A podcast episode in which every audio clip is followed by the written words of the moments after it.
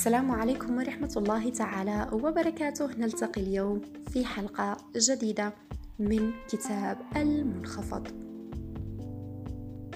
مشكلة اللانهاية.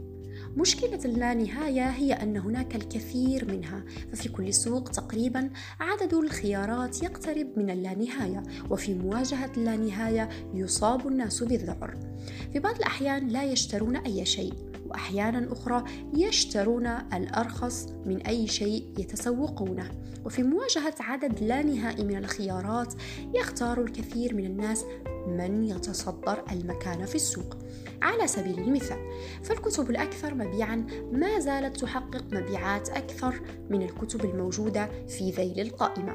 كما أن مواقع الإنترنت البارزة في موقع ديك الذي يتحدث عن كل شيء عن المواقع ما زالت تحصل على عدد زيارات أكثر مئات المرات من المواقع العادية وشركات التأمين الكبرى تحصل على العملاء لمجرد كونها كبيرة.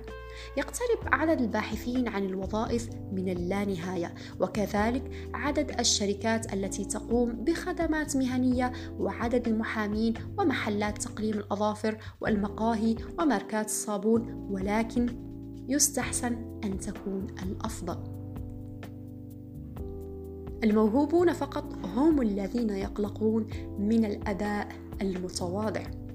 هل هذا أفضل ما لديك؟ طلبات التقدم لوظائف العمل المكتوبة بإهمال رسائل البريد الإعلانية التي تحتوي على أخطاء هجائية مندوبو المبيعات الذين يهتمون بشدة في فتح حساب العميل ولكنهم لا يتابعون هذا الأمر أبدا الأطباء الذين لا يكترثون بالاتصال لمعرفة ما إذا كان دواء بعينه قد نجح في علاج مريض قديم لديهم. فالناس ترضى إنهم يرضون بما هو أقل من قدرتهم. كذلك فإن المؤسسات ترضى بما هو جيد بدلا من أن تسعى لكي تكون الأفضل في العالم. إذا لم تبذل الجهد الكافي بحيث تصبح أفضل اختيار محتمل لدى الناس فلم التعب إذن؟ هل عبارة حسنا لم يكن هناك أفضل من ذلك؟ استراتيجية سليمة للنجاح؟ هل تأمل أن تصبح ناجحا لأنك الوحيد الذي يوضع في الاعتبار؟ إن السبب الذي يجعل الشركات الكبيرة تفشل في معظم الأحيان عندما تحاول دخول أسواق جديدة هو استعدادها لقبول أنصاف الحلول هذه الشركات تعتقد أن كونها شركات كبيرة وقوية يسمح لها بأن ترضى بما هو متاح وأن تبذل مجهودا أقل وتتوقف عن التحسين قبل أن تصبح منتجاتها رائعة حقا. إنها تقبل أنصاف الحلول لتتجنب الإساءة للشركات الأخرى وللتقليل من تعرضها للمخاطر. لهذا فإنها تفشل. إنها تفشل لأنها لا تعلم متى يمكن أن تتخلى عما تقوم به أو متى ترفض الرضا بما هو متاح. أكبر أخطاء ارتكبوها في المدرسة. كل شيء تقريبا تعلمته في المدرسة عن الحياة غير صحيح ولكن الأكثر خطأ ربما يكون ما يلي. التوازن في الدرجات والكفاءات هو سر النجاح. فإذا عاد صبي من المدرسة إلى منزله حاصلا على تقدير ممتاز في مادة واحدة وتقدير جيد جدا في ثلاث مواد فلا بأس من ذلك. لكن تخيل حال الطفل الذي يعود للمنزل بعد حصوله على ممتاز في مادة واحدة ومقبول في أربع مواد. لا شك أنه سيتعرض لسخط والديه.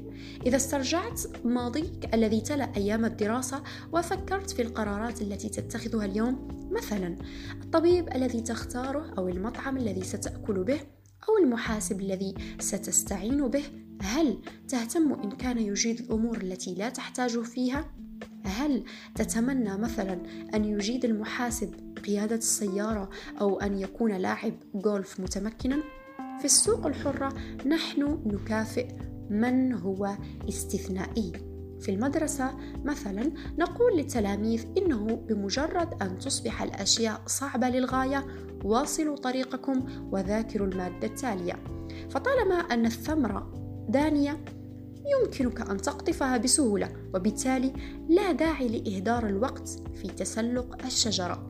فيما يلي مقتطفات من كتاب عن الإجابة في الاختبارات. اقرأ كل الأسئلة سريعا وابدأ بالأسهل واترك الأسئلة التي لا تعرفها على الفور. هذه نصيحة غير طيبة. فالنجوم لا يمكنهم ترك الأسئلة التي لا يعرفون إجابتها. في واقع الأمر الناس الأفضل في العالم متخصصون في إتقان الأسئلة التي لا يعرفون إجاباتها. إن من يتركون الأسئلة الصعبة هم الأغلبية ولكنهم غير مطلوبين. إن الكثير من المؤسسات تحاول التأكد من أنها أتقنت كل أعمالها من الاهتمام بكل التفاصيل. على سبيل المثال فلديها خدمة العملاء وعامل استقبال ومكان ملائم وكتيب وما إلى ذلك. ولكن كل هذا رديء.